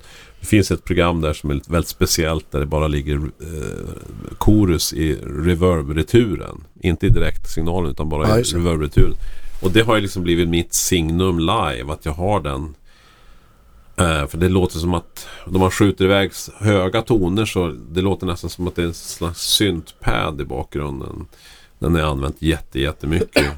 Och, eh, men den är så jävla tung så att jag har hittat en, en eh, TC Electronics sån här fingerprint. Man Ja, kan det. designa sitt eget ljud. Som är, det är inte lika bra men det är i närheten så då använder jag det då jag ska iväg. För att ibland det blir för tungt då jag ska ut och flyga annars. Och då är det så pass lite så att jag har allt. Och som man ju alltid gör då man, då man eh, flyger så mycket som jag gör till olika gig. Då har man aldrig, aldrig någonsin ett pedalbord i case. Det är ju, det är, ja, för då, har ju, då bränner du ju liksom 10 Ett kilo. bagage. Det, Ja, ja, det går ju liksom inte. Mm. Så äh, Alltså jag lyfter ju alltså, så korta sladdar som möjligt. Helst inga chassin till pedalerna. Jag gör ju vad som helst för att komma ner i vikt. Och sen sätter jag fast allting på en bit eh, papp. En Ja, pappersbit bara. En, en tjock sån här brun, vad, vad säger man? Wellpapp. Wellpapp, precis. Eh, en bit kartong liksom. Och, och, sen, och den kan man den lägga in i resväskan bara. Eller i, i, i, den är så liten så den går in i ytterfacket på en gigbag. Mm. För att hålla på att slänga iväg ett, ett flight case det, det är ju otänkbart. Det, med, med ett pedalbord i. Då, Ja. då, då är man ju stekt sen. Finns ju, man, får man köpa till bagage. Ja, så är det ju. Men annars, jag tar in, jag tar in ett, två gitarrer ombord på alla plan. Det har jag alltid gjort. Och det, så länge man inte kommer släpandes med liksom ett, ett hårt, stort case. Då är det liksom, utan ett, något som är så litet som det bara kan tänkas vara. Som Mm. man har på ryggen. Då är det enklare att komma ombord på planet. Absolut. Oh, ja. Och sen har, har man ju i ett sista utväg är ju tricket att man alltid, om de krånglar säger man ju först vid incheckningen. De säger du måste checka in, jag kan tyvärr inte göra det här. Men jag lovar att jag gör det om de ber mig om det vid gaten. Säger Just man det. ju. Ja. Det, vikt, för att det viktiga är att man vill att de ska släppa en dit. För har man väl kommit dit Nej, då brukar det inte då vara brukar det inte vara något problem. Nej. Och sen finns det sista tricket man kan göra. Det är att man, om man känner sig orolig för att de inte kommer att släppa ombord den med gitarren. Då, eh, då gör man så att man väntar till, till sist med att gå ombord. Om de då säger nej, då säger man då vill inte jag flyga. Och då sitter ju de i klistret därför att då måste mitt bagage som är incheckat, Av då måste planet. det av planet. Och då måste de ju plocka ut alla jävla väskor innan eh, du vet, då, måste de, inte- då blir planet en timme försenat. Så Det då, kostar det vill de ju. pengar. Så då Nej. släpper de ju ombord den. Mm. Eh, men jag, alltså jag gör så att jag eh, Jag flyger ju aldrig med någon dyr gitarr. Nej. För då jag är ute och spelar då har jag alltid min, min eh, eh, Sandén-gitarr, handbyggda Sandén-gitarr. Eh, och det, det, den skulle naturligtvis vara dyr om jag skulle köpa den ny. Men då jag köpte den så, så kostar den inte mer än 20 000. Så Ja. det, det är liksom inte... Eh, och den är ju också, går ju att ersätta också. Ja, det är inget Eh, vintage. det är ju inte som min Hummingbird, den är liksom Nej. lite grann oersättlig. Men den, den använder jag alltid och sen är jag så... Att om de säger att du måste lägga den på bandet, då gör jag det. Ja. Sen får, det lösa sig. Alltså det, det jag, jag är inte rädd för att gitarren ska gå sönder för att då får man fixa en ny gitarr. För Mm. Jag har inga problem att spela på en inlånad gitarr. Det, Nej. det, har, det, Det har jag fått göra. Ja. Ibland på Akigurat Ja. så har man fått spesa på plats. Ja, visst. Och du vet i Tyskland speciellt om man säger jag vill ha en fin akustisk gitarr. Du, då kommer det en gitarr som är så jävla fin så att man aldrig ens provat en så fin gitarr Nej. hela sitt liv. Det är liksom... Så det, det behöver man verkligen inte oroa sig för. Och jag är inte så känslig heller för om gitarren känns annorlunda än vad min Nej. egen gör. Eller låter annorlunda. Det är ju det är en av sakerna som är bra med att bli äldre. Att man tar allting med jämnmod på ett annat sätt. Mm. Om man känner att ja, idag låter det så här. i- Imorgon låter det på ett annat sätt. Och, Ja, så, det kan ju inspirera också. Ja. Att, eh, och ibland är det ett helvete. Men då känner man ja, ja, men vi ska bara stå en timme till och spela. Och sen är det klart. Sen får vi äta middag. Så det, exakt. det Då vi, då vi väl pratar om, om prylar så måste vi backa till då du lät håret växa på Ja. mitten på 80-talet kan jag tänka mig att då hade du inte den lilla riggen man fick ner i handbagaget. Nej, nej, nej. Ja, men då var det ju också en... Det var ju ett bevis på en status också att ha mycket grejer. Ja, just det. Så att och, och man, man släpar ju med sig flight case gärna för att visa att man hade ett flight case. Fast man bara skulle åka från Skanstull till Hötorget. Ja. Eh, och det var ju liksom en, en... Jag hade ju flight case till min Marshall-rigg och, och till alla gitarrer och pedalbordet. Alltså, och den känslan av att se alla mina flight case tillsammans. Det var ju, det var ju verkligen en, en rikedom. Och Ja. en, en slags adelsmärke att nu är jag en riktig musiker som har såna här fina casear till alla Hade du rack också? Oh ja, absolut. Men inga, inga stora rack. Jag hade den här Depp 5 GP8 naturligtvis. Ja, och så, så här TC 2290. Men inget, inget så här jättestort rack. Det hade jag inte. Med lite Marshall-toppar och eh, Ja. 412 Ja, Marshall-toppar som Folkesson hade byggt om. Så att det, det är liksom... Och eh, Tommy Folkesson i Skövde. Ja. Stark Ja. blev du ju. Precis. ja, men det var ju helt sjukt de här grejerna. Vad, vad man släpar runt på. Helt bisarrt. Eh, och, ja, men som sagt, det var ju en statussymbol. Sen så var det krönet var ju då man fick åka på sådana här stora EMA Telstar-turnéer där de hade byrålådor de drog ut. Ja, där, just det. Du vet en hel byrålåda med, med bara mina gitarrer. En hel byrå med bara mina gitarrer där Mm. de drog ut sådär. Och sen gitarrtekniker som stämde gitarrerna. Och eh, det handlar ju inte om musik. Det hade ju ingenting med musik att göra. Utan det var ju en annan statuskänsla. Att, att känna att man, att man liksom hade en slags förhöjd självbild som, som är ju lite märklig. Men det är ju det är bara det är en, det är en lek. Det är Ja. kul det också. Till slut så, så går, går, återgår det ju till, till det det handlar om, musiken igen. Och Mm. då är det ju, vill man ha så lite prylar som möjligt för att man ska kunna åka ut och spela. Så Det märkliga blir ju att i takt med att jag har fått eh, mera riktig, alltså viktigare, större gig så har jag mindre prylar.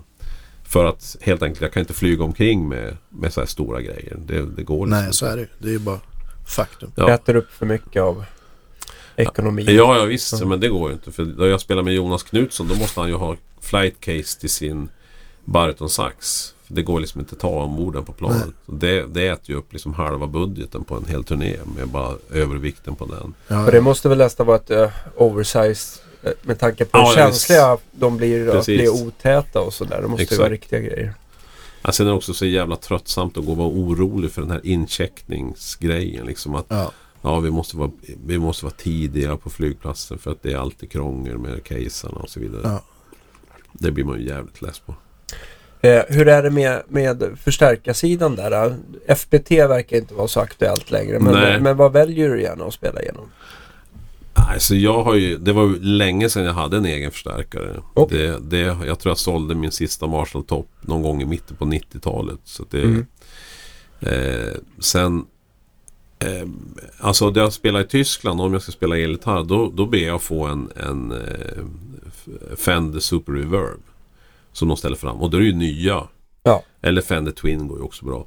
Och eh, nu, nu är liksom kvaliteten är ju så mycket jämnare nu för tiden på, på nya stärkare än vad de var förr. För Ja, då visst. kunde det vara ganska gambling att få en, en låna en förstärkare. Plötsligt kunde man komma och så "Ah, vi hade ingen Fender, vi hittade en gammal Vox AC30 istället. Eller en gammal Ampeg eller en gammal och då blir det mycket krångligare. Men nu är det ju aldrig så. Utan nu är det ju det som står, det de ställer fram är ju jäkligt fina grejer. Så att, att man då skulle eh, behöva ha med sig sin egen, det känns verkligen överkurs. För det är ju inte riktigt i förstärkaren eller gitarren. 99% av, av en ston sitter ju i fingrarna. Så Ja, det, är ju, det, det är ju rätt onödigt. Och sen har jag istället för Eh, också av viktskäl så finns det ju en sån här Roland multi-effekt-pedal. Nu kommer jag inte ihåg vad den heter men men den, det är ju, den är ju liksom sådär så att man kan Antingen så kan man lägga den i olika program eller så kan man bara använda det som pedal för pedal. ja, just det. Just det. Vilket är G- jävligt... GT någonting kanske. Ja. GT100 kanske? Eller GT8. Ja. Nej, vad fan heter Jag den? kommer inte jag heller. Men den är ju otroligt bra. Den, alltså den, är- den är ju s- sjukt bra ljud. Alltså precis, jag kan få ut allt som jag kunde få ur min Rat distbox och, och mina gamla pedaler kan jag få ut ur den. Och den är ju också så superlätt. Och den, är ju, men den kan man ju tjoffa in batterier i om man som jag ju ofta gör att jag ska in på scenen och ut snabbt. Ja. Man ska liksom in och så ska jag och Nisse göra åtta låtar mitt i en föreställning med symfoniorkester och sen så ska man ut för det kommer någonting annat. Och då är det jävligt skönt om man bara kan ta, ta med sig allting och knalla ut.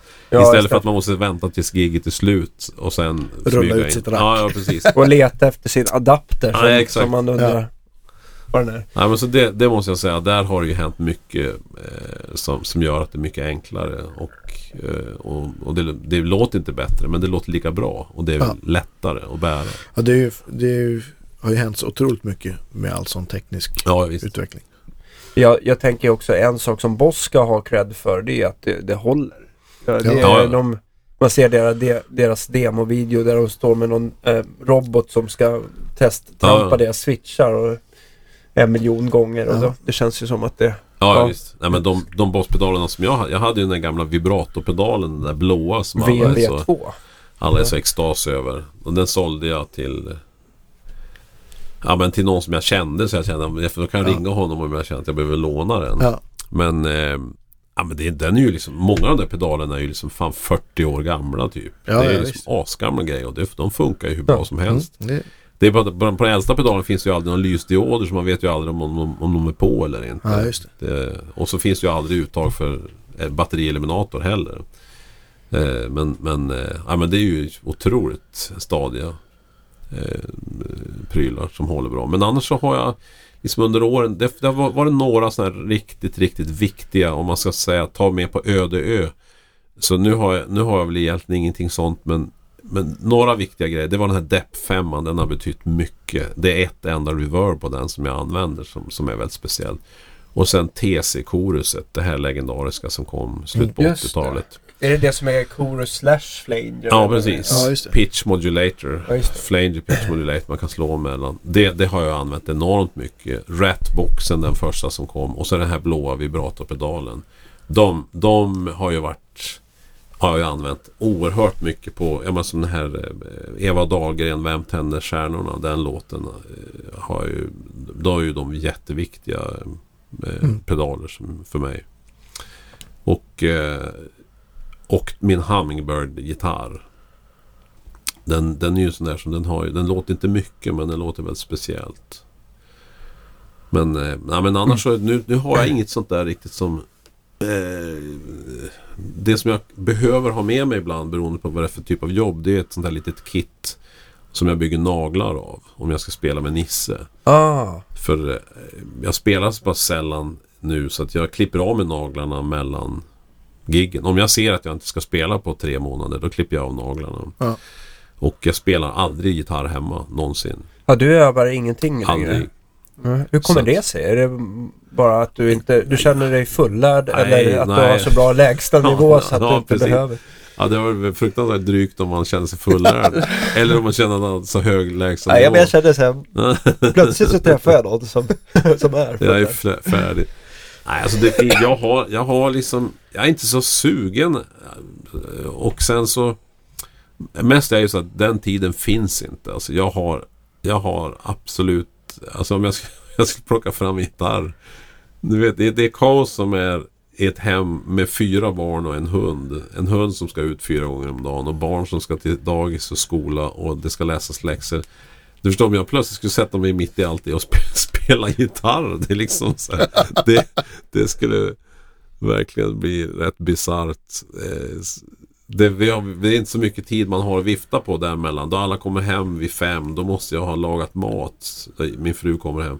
Då måste jag ha handlat och lagat mat, hämtat barnen och sen är det läxläsning. Sen ska alla käka, de ska göra du vet, dusch, bada, borsta tänderna och sen ska man läsa de kommer i säng. Klockan åtta måste alla vara i säng. Man har liksom tre timmar på, då är det bara fullt jävla kaos. Ja. Och, sen, och sen ska hunden ut och sen måste man gå och lägga sig eftersom vi stiger upp vid halv sex. Så att man kan liksom inte hålla på och sitta och hänga och börja titta på TV eller spela gitarr då. Så eh, Nej men det- något övande det är det inte. Det, det, det kan jag göra på somrarna då vi, vi är på Gotland. Då Ja. har jag alltid med mig en gitarr som jag tar med ner på stranden. Och så sitter jag och liksom inte övar utan jag sitter och håller på du vet så här, slöspelar bara. Man bara sitter och har gitarren i knät och, och Mm. tar lite ackord. eh, och då, det gör jag rätt ofta då. Alltså det gör jag varje dag, flera timmar om dagen. För att då, dels finns ju den tiden att man bara hänger på gräsmattan och det är inget som ska, vi ska inte åka någonstans. Och, och, och sen blir jag lite sugen då också. Men annars gör jag det aldrig. Men, men då, så, så det kan gå rätt lång tid utan jag spelar överhuvudtaget. Det kan gå fyra, fem månader utan att jag har tagit i gitarren. Men hur blir det då sen om du ska liksom inte spela på så lång tid och sen Ja. så ut på turné eller någonting. Blir det liksom en eh, pallar fingrar och, och Alltså jag leder och spelar sånt ju inte så avancerade saker så att det är liksom inte... Alltså du vet om jag skulle spela sådana som, som till exempel Kjell Löfbom vi pratade om tidigare. Kim Marcello. Du vet en massa, jag vet inte alls vad det heter, men du vet så här, Fort. otroligt fort helt Ja. enkelt. Då måste man ju hålla igång och öva. Men, men alltså det jag gör är ju aldrig eh, som då jag spelar med Nisse, mina öppna stämningar, jag kompar på mitt sätt. Det kräver ju ingen eh, otroligt, man måste hålla, hålla igång tekniken på, för det. Utan för det vet jag ju precis vad jag ska göra. Ja. Så det är ingenting. Men då, då kan jag, måste, måste jag ha med mig mitt nagelkit som består av sån här superlim attack. Sån här eh, som, som man inte får nudda med. Ja exakt, Loctite. Som man inte får nudda med fingrarna för då får man aldrig, så måste man operera isär fingertopparna. Sån pingisbollar och, eh, eh, och så en, en liten pincett, en nagelsax och en nagelfil. Alltså du, bygga. du Ja, du gör, kör du pingisboll. bygger... Ja, Ja. bygga ett, en nagel av en... Eller jag klipper ut en, en halvmåne av en, av en pingisboll och sätter under nageln. Under den lilla nageln som sticker ut. Och så limmar jag fast den där. Och då sitter den ju fast. Och då, det som är bra är att man om man petar in tumnageln i sidan kanten mellan eh, pingisnageln och den riktiga nageln så kan man sprätta loss nageln efter gigget. Ja, just det. Ja, just Om det. det, så att jag slipper gå med det där. Vad ser ut fin. så här. Ja, ja precis. Nej, men så att man inte ser ut Ja. som, som om man har liksom tjejmålade naglar. Liksom, sådär. Ja. Och då... Eh, och jag menar, det är ju jättepraktiskt att ha bra stora naglar. Men det är ju inte så jäkla snyggt. Det, det kan man ju inte säga med Nej. all bästa vilja. Får du Ja. mycket kommentarer? Ja, oh, ja, absolut. Och de här, nu ser, nu är det ju, de här är ju blänker ju också. ja, ja, Jag, var, jag spelade i Malmö, ja, för, var det för, förra helgen, så spelade Ja. vi två dagar på samma teater. Och på fredagen så spelade jag av pekfingernageln. Ja, ja. Och, så det var ju, jag fick ju bara försöka hitta något ställe i Malmö. ja. Och första, första stället, de, det fick jag så konstiga blickar så att Ja. de kanske skulle ha tid lite senare. Så jag kände bara, nej men jag får nog fråga någon annanstans. Och då hittade jag något annat ställe som, som då gjorde de här, men då hade de, de hade någon konstig gel tror jag. Jaha. Så de blev ju jätteblanka. ja, ja, ja, visst, visst. för jag, ja, jag brukar gå, ut. ja det ser asfult ut. Jag brukar gå till Liljeholmen du. Då, Ja, ja. då ser de liksom, oj, ser de ut så här, som ja. vanliga naglar. Ja, just, just det. Men långa. Så att, ja, Nej men det är alltså pingisboll det kan jag verkligen ja, rekommendera. det var för det, dagens dels, är, trick. dels är det någonting som man kan, då man är ute på turné, du vet i Tyskland eller var som helst. Man kan köpa det var som helst. Mm. Den typen av lim och en pingisboll, det, behöv, det är inte som, för annars om du ska köpa specialnaglar då måste man beställa det från gitarren i Göteborg som importerar det från Amerika eller någonting. Ja. Men det här kan du köpa var som helst. Det låter som en ganska ekonomisk bra Ja, verkligen. lösning. Ja. Och en bra sån lifesaver. vad Ja. kostar det att göra de där Ja, naglarna? det, det, de tog en hundring. I Liljeholmen brukar Ja. de ta 150. Ja, ja. Så att det, Ja, det är ju inte så blodigt. nej. Nej men det är just om man ska göra det snabbt som jag gör. Och Mm. jag har kvar lite grann bara typ 2 millimeter som gör att det finns någonting att sätta fast pingisbollsbitarna i. Då går det rätt fort och så då gör jag det här strax innan gigget och bara limmar jag på det och Ja, sen spelar jag. Och filar till. Och sen tar jag bort dem efteråt. Mm. Om, om, inte jag ska, spe- om jag ska spela nästa dag behåller jag dem naturligtvis. Mm. Ja. Men, eh, nej, men nu håller jag på att spela mycket med plektrum och se om jag kanske kan göra vissa grejer med plektrum istället. För att det är ju... Ja, det är kul att ändra helt enkelt. Man kan prova olika saker. Absolut. Vi har en, eh, en sån här fråga som vi brukar ställa alla våra, våra gäster. Ja, Mm. ja, ja. Huset brinner och du har du får ta med dig en gitarr. Mm. Du hinner bara ta en gitarr. Vilken blir det? Ja, det blir nog min Hummingbird då. Ja. Gibson Hummingbird. Misstänkte Jag skulle ha svarat min Strata tidigare men, men jag får, jag får liksom inse att jag spelar ju aldrig på den så det vore konstigt. Eh, nej men det skulle absolut, det skulle, den skulle vara tveklöst den första.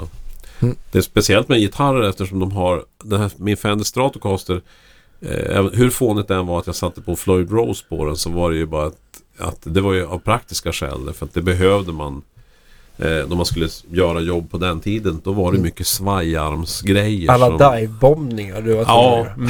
Precis. Ja, men dels så var det sådana tricks och sen satt jag väldigt mycket i teaterdiken under en period. Och även då behövdes det svajarm, hur konstigt den kan låta. Ja. Och att då sitta, och gö- sitta med ett originalsvaj på en strata där man stämmer ur gitarren hela tiden, det funkar liksom Nej. inte. Så att, då var det mycket att jag behövde det för att jag snabbt skulle kunna finjustera stämningen på de här små skruvarna nere i stallet. Men det var väl, det gjorde väl de flesta på den tiden. Hade man en gammal gitarr kanske Ja. man hottade upp den lite med Absolut. ett Men nu bättre var det så att de flesta som var proffs i, på min nivå, de fick spons med Larivé-gitarrer av Nysse. Ja, just det.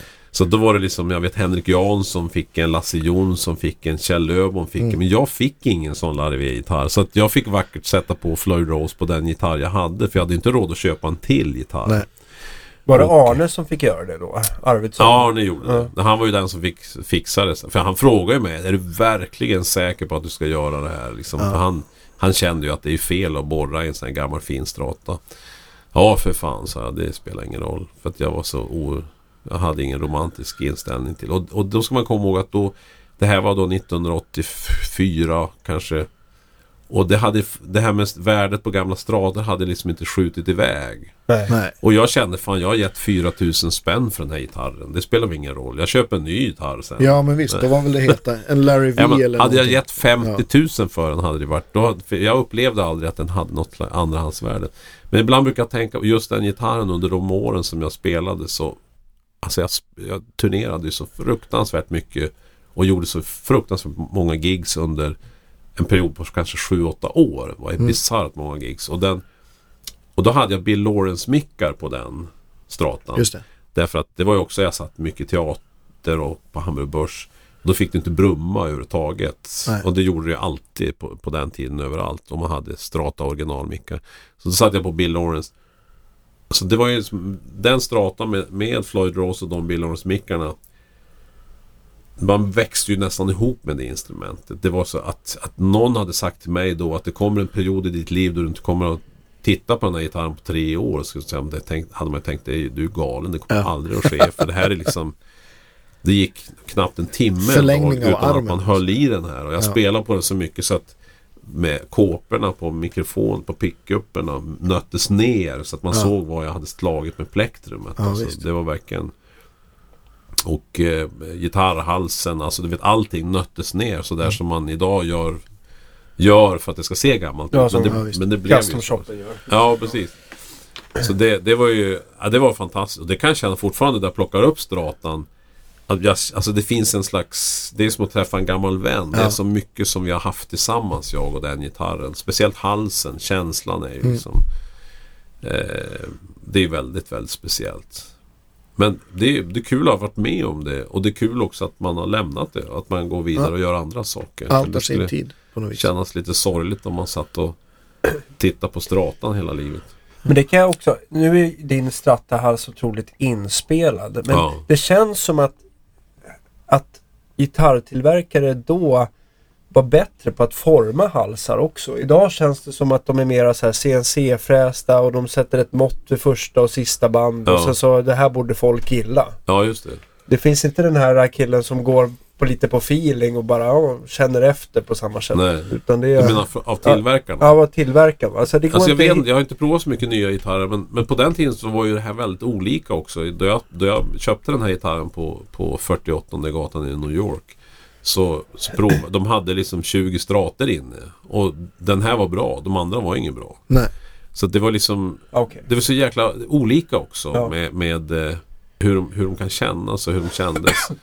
eh, jag, jag tycker då ibland så kan jag känna att det, det är vanligare idag att man, att man provar en strata som är bra än en strata som är riktigt dålig. Mm. Det, det, det, att man märker naturligtvis kvaliteten sjunker ju i takt med att det är så Mexiko eller Japan. Så blir det lite aningen Precis. sämre. Men, men ofta så är ju de här custom shop. De, de, många känns ju fantastiskt fina. Det gör de. Och anledningen till att den här känns så fin för mig det är, det är ju också att jag har spelat så mycket på den. Ja, men att, visst. att vi får liksom en speciell relation. Naturligtvis. Som ett par ingådda favoritskor liksom. Ja men så blir det ju. Ja. Och så är det en massa hack upp, uppe på huvudet för att jag höll på och slog ibland. Då vi skojade så slog jag på kraschcymbalen med gitarren. Ja, just det. Det har hänt mig. Det är visst det är så befängt som man, man skäms när man bara tänker på det. Men så var det. Ja men annars så har jag Alltså jag har en till gitarr som jag spelat otroligt mycket på. Det är den som jag spelar med Ted Gärdestad på den här låten För kärlekens skull. Där jag spelar slide. Och det är en gammal Levin-gitarr som är Som jag köpte för 35 kronor. Och den är ju inte värd någonting. Inte ens nu alltså. För att de, det finns så många sådana. Det är en Ja, visst. skolgitarr. Det är den svarta där som Ja, just det. Ja, just det. Och eh, det var bara en slö. Jag köpte den för jag tyckte den var snygg att hänga på väggen. Och sen så tänkte jag kanske ska spela, jag kan ju spela slide på den. Så, att jag, så då satte jag på stämskruvar för de hade lossnat. Ja, sen tyckte jag men det går ju bra att spela på den. Till slut så började jag spela jättemycket på den. Sen alla de här turnéerna som jag gjort med Jonas Knutsson, då spelar jag alltid på den gitarren. Så i relation till sitt värde, vad den har kostat i inköp, så finns det väl få gitarrer som har dragit in så mycket pengar som den. Eh, men det är samma sak där, att den skulle kunna försvinna. Ja, det går att hitta en ny Ja. som är helt okej. inte likadan men, men som jag har sagt tidigare så just det här med då man blir äldre så blir man mindre, i alla fall jag blir mindre sentimental eh, vad det gäller olika gitarrer. Att jag känner att det är bara ett instrument. Det är, liksom, det är inte där Mm. det sitter i gitarren utan det är, det är mina idéer eh, som, som Ska fram. präglar. Jo men det är det Ja. som präglar hur det låter. Eh, för så är det ju för så är det ju alltid då, man, då folk kommer fram och frågar Ja, ja, fan vad är det för mick då? Det är sånt jävla bra sound. Och nu har jag börjat säga som det är. Alltså, det, jag säger, det, har, det är inte micken eller gitarren. Det är för att jag spelar så här bra. Det är därför det låter så här fint. Mm. För ibland så, ibland så, förr har man alltid sagt ja men du har den här micken och den här Sandén-gitarren och det är Sunrise-micken och det här reverbet. Men sen känner man, men det är ju inte så. Det är ju inte alls där det sitter. Nej, det är dina idéer. Det är ju Dina mina idéer händer. som, Ja, som gör att, att det blir så speciellt. Så, så då kan man ju liksom istället för att försöka Istället för att folk springer och köper olika mickar. De säger, är den så bra den här Sunrise-micken? Ja, inte fan vet jag. Den funkar. Ja. Det är liksom, det, det räcker att den funkar. Ja, men, och om det är också en mick som du har spelat mycket på så Ja. då lär man sig ju spela på Ja, sound precis. också. Där man van Så du vet hur du ska få Ja. fram det du hör i huvudet. Exakt. Med det. Exakt. Jag kan ju också tycka någonstans att gitarrister är lite olika känsliga inom det där också. Vissa Ja. har jag ju märkt att de är ju så här, det må, allting måste nästan Stjärnorna måste stå, planeterna måste stå, stå rätt och Ja. det ska vara de strängtjockleken och den stränghöjden och det kan vara jättekänsligt. Man nästan hör hur mycket bättre de spelar. Ja, och sen så precis. verkar det ju vara andra som är helt okänsliga, som i Ja. ditt fall. Va? Och det är, jag tror det nästan är en... Det är nästan... eh, Det är någon personlighetsgrej. Ja, men jag. jag tänker så här att det kan ju eh, rent ekonomiskt så är det ju en klar fördel i alla fall. Ja, visst. Ja. Men det är det. Mentalhygieniskt är det också bra Ja. att vara som jag faktiskt. För det är svårt om man kommer till ett gig och så känner man fan det låter inte alls så där som det lät hemma. Och det gör det ju aldrig. Det kan Nej. det inte göra. det Nej, är det är omöjligt. helt man, får liksom, man får alltid tänka ja idag lät det så här, imorgon låter det på ett annat sätt. Mm. Så tänker man ju när man gör studiojobb också att om någon frågar, ja är du nöjd med det här pålägget? Ja, det låter så här idag. Det, Ja. Vad ska jag göra? Det är Ja. liksom, man kan liksom inte hålla på att ta om eller utan Ofta så vet man ju att det skulle ha kunnat bli bättre men, men jag kan inte spela bättre än så här. Så att, Ja, ja. men då får man väl försöka ha någon tillit till att de har ringt dig för de vill att man ska låta som man gör. ja, och att det finns en producent som vet vad de vill ha. Exakt. Och så inser man att ja, de kanske lägger om det här sen med någon annan gitarrist men jag är ingen sämre människa för det. det Nej. liksom, så kan det vara. Det har hänt, det har hänt oss alla. Absolut. Innan vi rundar av här så Ja. måste jag fråga, jag kom på det, jag, då, vi, då du tackade jag och var gäst så tänkte jag, om jag måste fråga om, om du hade laggen som gitarrlärare i, i Lycksele. Ja, det hade jag. Eh, ganska tidigt faktiskt. Jag tror redan i fyran hade jag honom första gången. Ja, Och sen hade jag honom igen eh, i, i högstadiet. Eh, vad jag minns i alla fall. I alla fall i åttan och nian hade jag honom som gitarrlärare. Mm. Och eh, eh, han körde bara vanlig eh, klassisk gitarrundervisning. Vi Ja. ja. hade någon brun liten bok och så spelade vi lite låtar och sådär. Det var inget... Det här var ju innan jag hade börjat intressera mig för för eh, liksom jazz och sådär. Ja. Och han, men han sa en fin grej. Vi, vi, eh, vi träffades i, i Övik tror jag. Så kom han fram jag och Jonas hade spelat. Nej, det var, jag var i Lycksele och spelade på kommunala musikskolans jubileum. Och så gick jag upp och spelade en låt ensam bara. Eh, för en fullsatt eh, gymnastiksal eller någonting. Det var 10 år sedan, kanske 15 år sedan. Och så sa han efteråt, ja, men ah, jag jag sa avundsjuk på det. Tänk att du bara, bara ställer dig rakt upp och ner och spelar så där. Blir du inte nervös? Nej, jag. Det. Och då, då slog det mig plötsligt att uh, vad många musiker det finns som som inte kan riktigt komma fram därför att de har inte nerverna för det. Nej, och för han sa att jag skulle aldrig fixa bara gå upp sådär utan att tänka och bli nervös. Eh, så det, det Ja, men jag fick en tankeställare. Jag tror jag skrev en krönika om det också. Vad, mycket, vad många parametrar det är som ska stämma för att man blir musiker. Att vara, att vara eh, musikalisk, det är ju i stort sett alla människor. Det finns Mm. bara, alltså om du tar rent forsk, om du forskar på det här så finns det i princip bara tre, fyra omusikaliska människor i hela norra Europa. För att, Nej, jag är inte riktigt säker. Men det, vi... Ja men, det, ja men det är så. Du kan, om du inte ens, om du, om du känner igen Blinka lilla stjärna andra gången du hör den, då är du musikalisk. Så att du kan ja, inte så, säga... om vi säger, ja, Så, okej. så att det, det, det att vara musikalisk, det, det, det, det är otroligt ovanligt. Alltså, det finns kanske tre, tre, fyra människor som man känner till som är det. Så att, men vad jag ska komma till var att, att det som gör att man blir musiker, det är ju inte, jag är ju inte mer begåvad än, än jag menar, då jag växte upp i Lycksele där det bodde 7000 människor. Det fanns säkert tusen människor som var precis lika begåvade som jag. Anledningen till att jag blev musiker var för att jag ville det mer än någon annan. Inte att jag hade någon större begåvning. Min talang låg i att jag ville så gärna bli gitarrist. Det var det jag ville och, och, och övade.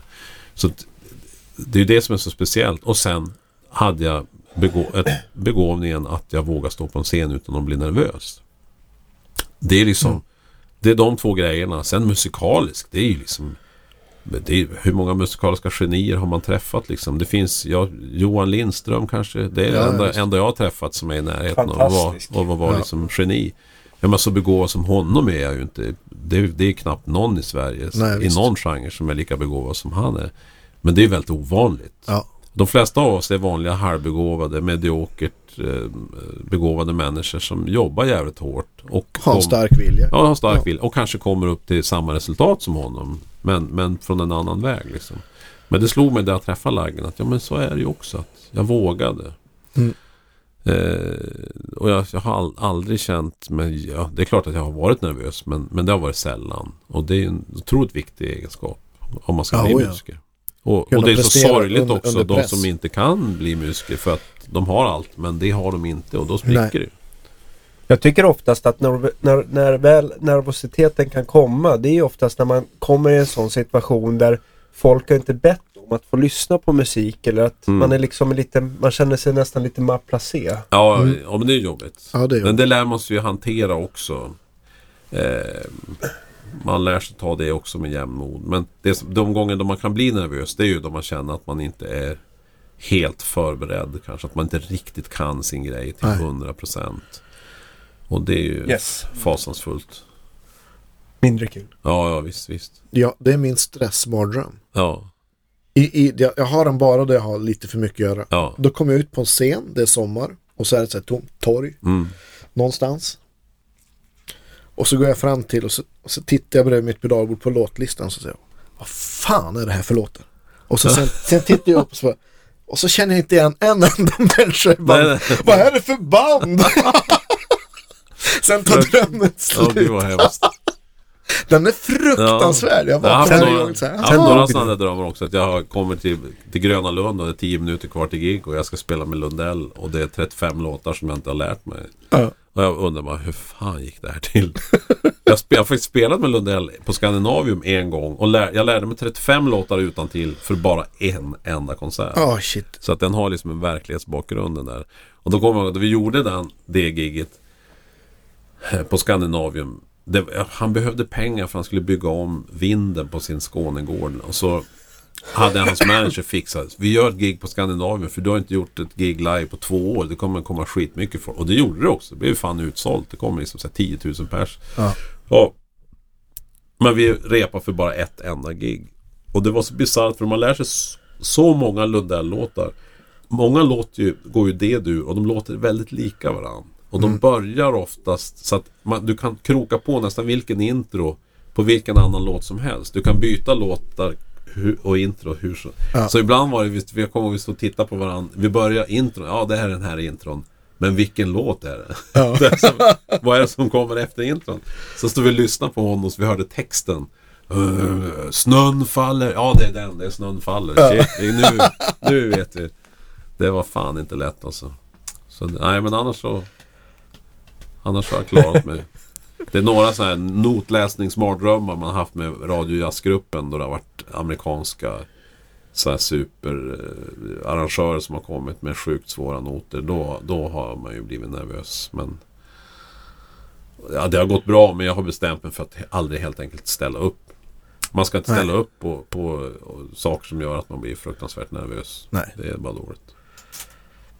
Nej, det känns ju inte som att det är något man mår bättre av. Nej. Nej, Oavsett om man klarar det. i- tycker jag var fina slutord Ja, för dagen faktiskt. Stort, Tusen tack. ja. Ja. stort, stort tack. Tack för att jag fick komma. Ja, Trevligt. Mycket. Jag hoppas det blir åter så att säga. Ja, Så syns vi om en vecka. Eller hörs om en vecka rättare sagt. tack för Ha det så bra.